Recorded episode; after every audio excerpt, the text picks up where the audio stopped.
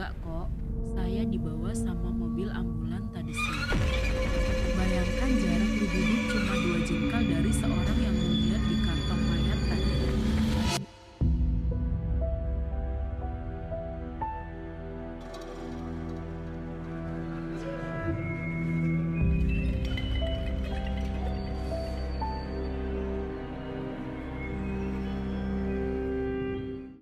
Halo guys, kembali lagi bersama saya Christine Anggraini di ARC Horror Story. Gimana kabar kalian? Semoga selalu diberi kesehatan ya. Pada kesempatan kali ini, aku akan menceritakan pengalaman horor yang dialami oleh Bli Jaya Sastra. Di mana kejadian mistis ini terjadi ketika Bli Jaya Sastra sedang mengikuti magang pembangunan proyek di salah satu rumah sakit. Penasaran dengan ceritanya? Kita simak. Dan pastikan jangan mendengarkan sendirian.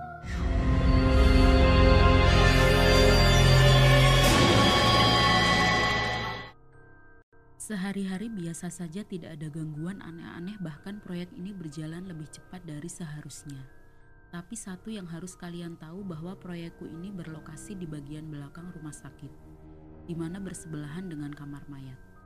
Sudah hal biasa jika seorang konsultan atau kontraktor untuk melakukan lembur guna mempercepat proyek.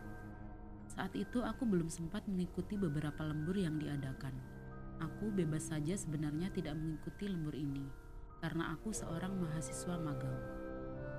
Tapi beberapa hari sebelumnya aku merasa penasaran untuk ikut lembur di sini dan pekerjaan yang akan diambil adalah pengecoran plat lantai 3. Kebetulan penelitian kampus adalah plat lantai 3 jadi kesempatan ini tidak akan aku tinggalkan begitu saja.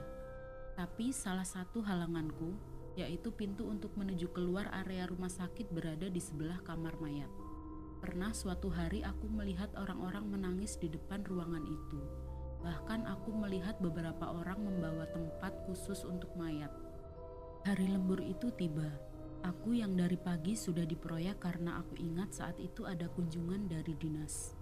Saat itu aku ikut menyambut orang-orang penting yang datang. Tapi aku hanya diam tidak memberi penjelasan karena statusku hanya mahasiswa magang.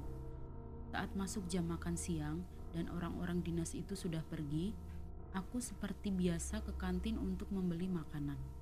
Tapi saat itu aku lihat di kantin yang sangat kecil itu sangatlah ramai. Selain para tenaga medis di sana, para pendamping pasien juga banyak di sana. Melihat begitu ramainya di sana, aku berinisiatif. Ah, belanja di luar deh. Kayaknya ada warung nasi biguling. Niatku mencari tempat makan baru, tapi kalian tahu apa yang aku lihat? Mungkin ini adalah sesuatu yang tak seharusnya dilihat oleh seorang konsultan bangunan yang lapar. Aku melihat ada ambulan terparkir tepat di depan kamar mayat yang awalnya aku lupa bahwa itu kamar mayat. Aku yang dongo ini berjalan menuju ke arah ambulan itu karena memang jalan keluar area rumah sakit ini ada di depan ambulan tersebut. Saat jarak ambulan dan aku hanya 3 meter saja, tiba-tiba pintunya dibuka. Dan kau tahu, ambulan itu berisi mayat. Mayatnya sudah di dalam kantung. Tapi sama saja, bau amis darah itu tercium sangat keras. Dan kau tahu, pintu kamar mayat ini ada di sebelah kananku Otomatis aku merapat agak ke kiri seakan-akan memberikan jalan untuk para medis membawa mayat itu. Saat pintu kamar mayat dibuka, betapa kagetnya aku melihat begitu banyak mayat di dalamnya. Aku tak tahu antara aku terlalu tinggi atau tempat tidurnya yang rendah. Tapi aku melihat dengan jelas mayat-mayat itu. Ada yang sudah memutih, ada yang baru dimandikan, ada yang beberapa badannya rusak. Entah bagaimana SOP rumah sakitnya yang bermasalah atau aku yang seperti memperoleh rezeki nomplok. Tapi saat itu aku benar-benar melihatnya. Akhirnya pintu itu ditutup oleh para medis dan aku yang baru saja melihat pemandangan itu hanya bisa memandangi nasi babi guling dengan tatapan kosong. Benar-benar hancur niat makanku melihat hal itu dan rencanaku untuk lembur pun menjadi ragu tapi aku tidak mungkin membatalkan keikutsertaanku dalam kegiatan lembur ini. Aku butuh beberapa dokumentasi dan sedikit pengalaman langsung. Jadi mau tak mau harus tetap ikut. Kuputuskan untuk tetap berada di set office sampai sore untuk menenangkan diri. Saat petang menjelang malam, Aku dengan beberapa teman naik ke lantai tiga menggunakan tangga darurat. Saat berada di lantai tiga, terlihat jalan keluar dan lapangan parkir yang begitu gelap. Tapi ruangan mayat itu mempunyai lampu depan putih yang agak sedikit redup.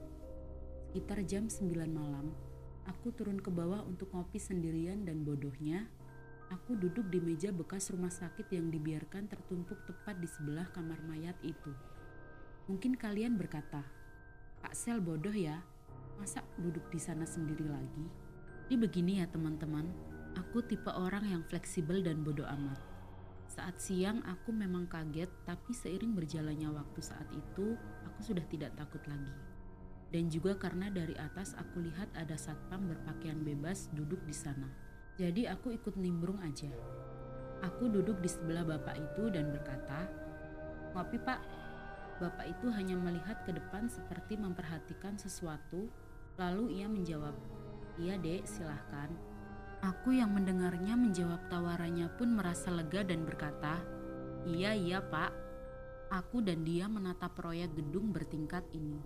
Di bawah cahaya bulan dan hanya ada beberapa cahaya lampu sorot di beberapa bagian bangunan. Lalu aku bertanya, Pak, asalnya dari mana? Dia hanya menjawab dari sebelah utara. Tiba-tiba aku merasa canggung karena ia menjawab singkat bahkan dia tak bertanya aku dari mana. Jadi aku inisiatif tanya balik. Pak, sudah lama bekerja di sini. Biasanya ini adalah pertanyaan yang mempunyai jawaban yang panjang. Dengan santai bapak itu menjawab, dari siang saya di sini. Aku yang dalam hati sudah canggung setengah mati hanya bisa bergumam. Ya ampun, kayak wartawan gue nanya mulu. Aku berusaha mencari topik terbaik dengan berkata, "Oh, shift siang sampai malam toh." Tapi bapak itu tidak menjawab pertanyaanku, dan aku pun tak melihat wajahnya karena canggung parah.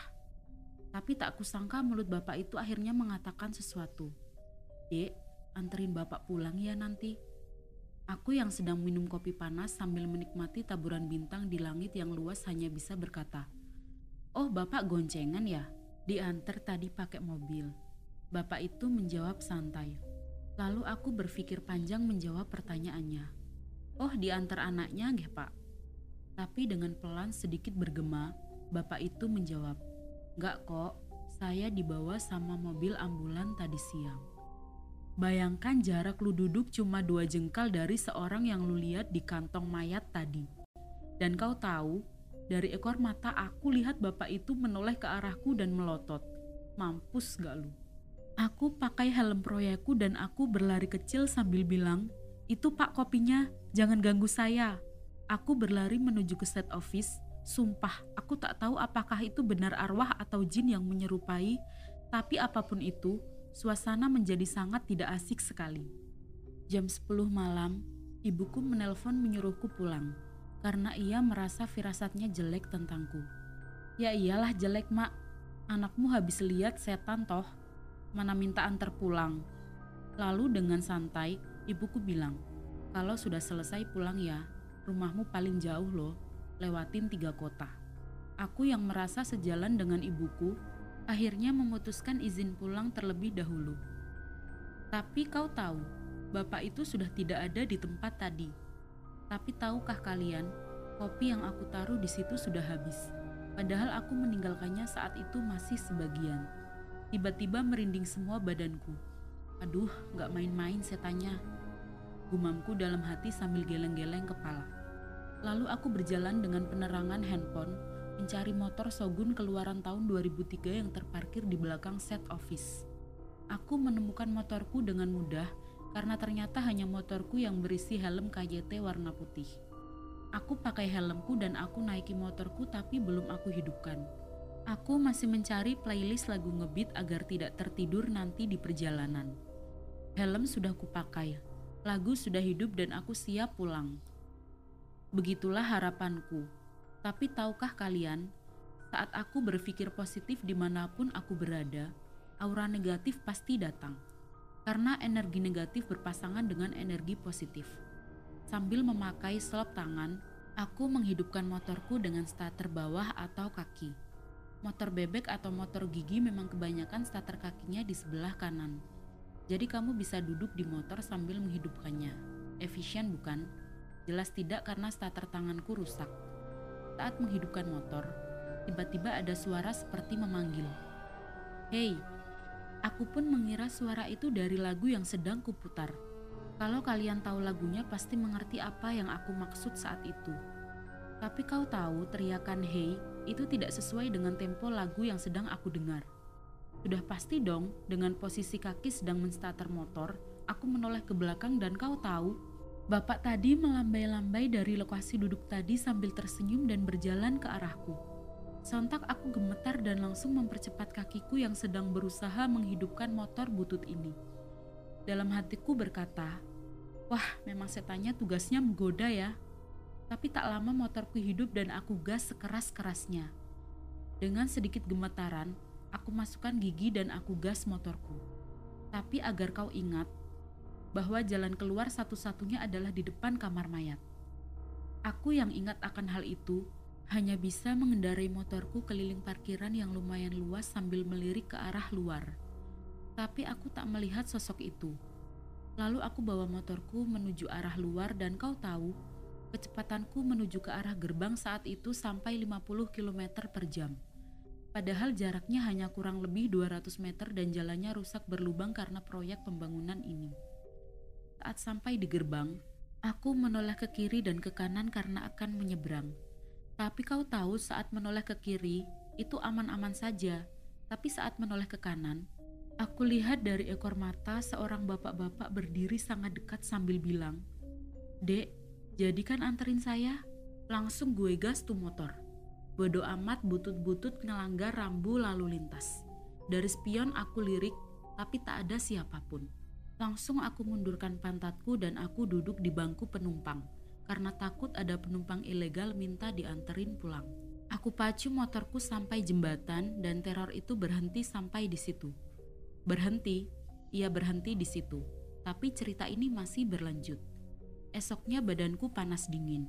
Tapi aku paksa diriku ke proyek karena harus menyetor laporan harian atau mingguan. Aku sudah lupa saat itu intinya aku memaksakan diriku ke proyek untuk menyelesaikan tugas yang diberikan padaku dari tim leader. Jam 10 pagi aku baru sampai di sana. Tapi aku parkir di luar. Di depan sekolah, tapi aku lupa sekolah SD atau SMK. Aku parkir di sana kenapa? Agar bisa sembunyi-sembunyi pulang. Itu memang rencanaku dari awal, tapi aku sudah izin pulang cepat ke senior lapanganku. Saat itu sangat panas, cahaya matahari seperti menusuk ke dalam lapisan kulit terdalamku.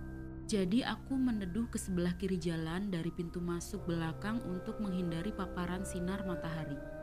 Kau tahu, sebelah kiri dari arah pintu masuk menuju ke dalam itu adalah kamar mayat.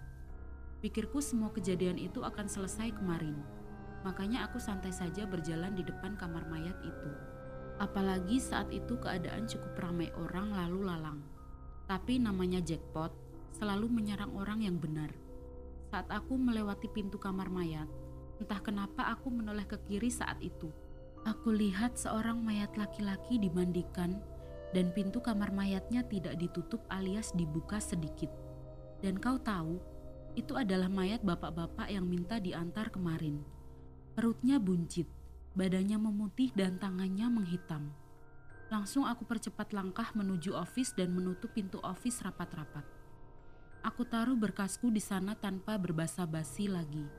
Lalu aku cepat-cepat pergi dari rumah sakit itu. Aku sengaja setengah lari waktu melewati kamar mayat dan langsung menyeberang ke tempat motorku diparkir, yaitu di depan sekolah. Dan kau tahu apa yang kutemui di atas motorku?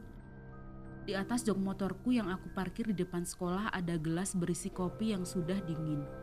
Sumpah, waktu itu lemes rasanya. Bener-bener gak nyangka ini arwah ngikutin ke mana-mana. Mungkin kita berusaha berpikir positif bahwa itu orang iseng. Tapi saat itu panas terik dan tidak ada tukang parkir di sepanjang jalan. Terus siapa yang naruh kopi di sana? Bener-bener gak ngerti lagi pas itu. Aku taruh kopinya di bawah dan aku bilang, Siapa yang punya nih? Aku udah ngopi kok. Makasih. Lalu aku pulang dalam keadaan kebayang-bayang wajah bapaknya dengan perut buncit dan senyum ke arahku. Aku tak lihat dengan pasti wajahnya. Tapi dari ekor mataku benar-benar susah aku lupakan sampai hari ini, bahkan sampai nanti. Sampai di rumah, aku persiapkan diri dan sore harinya mandi suci membersihkan diri di rumah untuk melepaskan kotoran yang aku peroleh selama proses pembangunan di rumah sakit tersebut. Bahkan tak jarang aku meditasi di office atau di proyek.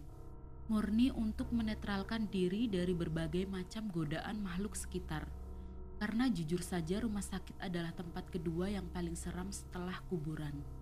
Aku sempat membahas cerita ini ke Bapak dengan rinci bahkan lebih rinci dari apa yang aku ceritakan di sini.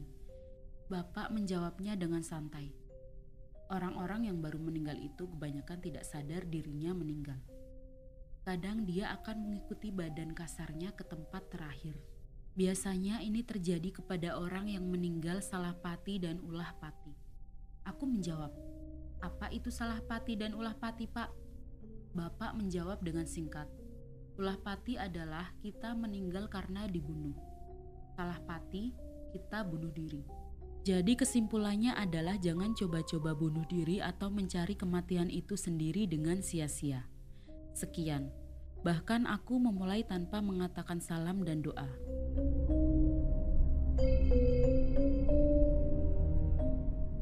Itu dia teman-teman pengalaman mistis yang dialami oleh Beli Jaya Sastra saat magang di proyek pembangunan rumah sakit. Dari cerita ini, semoga teman-teman dapat mengambil hikmah dan pelajaran ya. Terima kasih buat teman-teman yang sudah mampir ke podcast ARC Horror Story. Jika kalian suka dengan ceritanya, silahkan share dan ikuti terus podcast ARC sebagai bentuk dukungan kalian. Saya Christina Nureni. Bye-bye.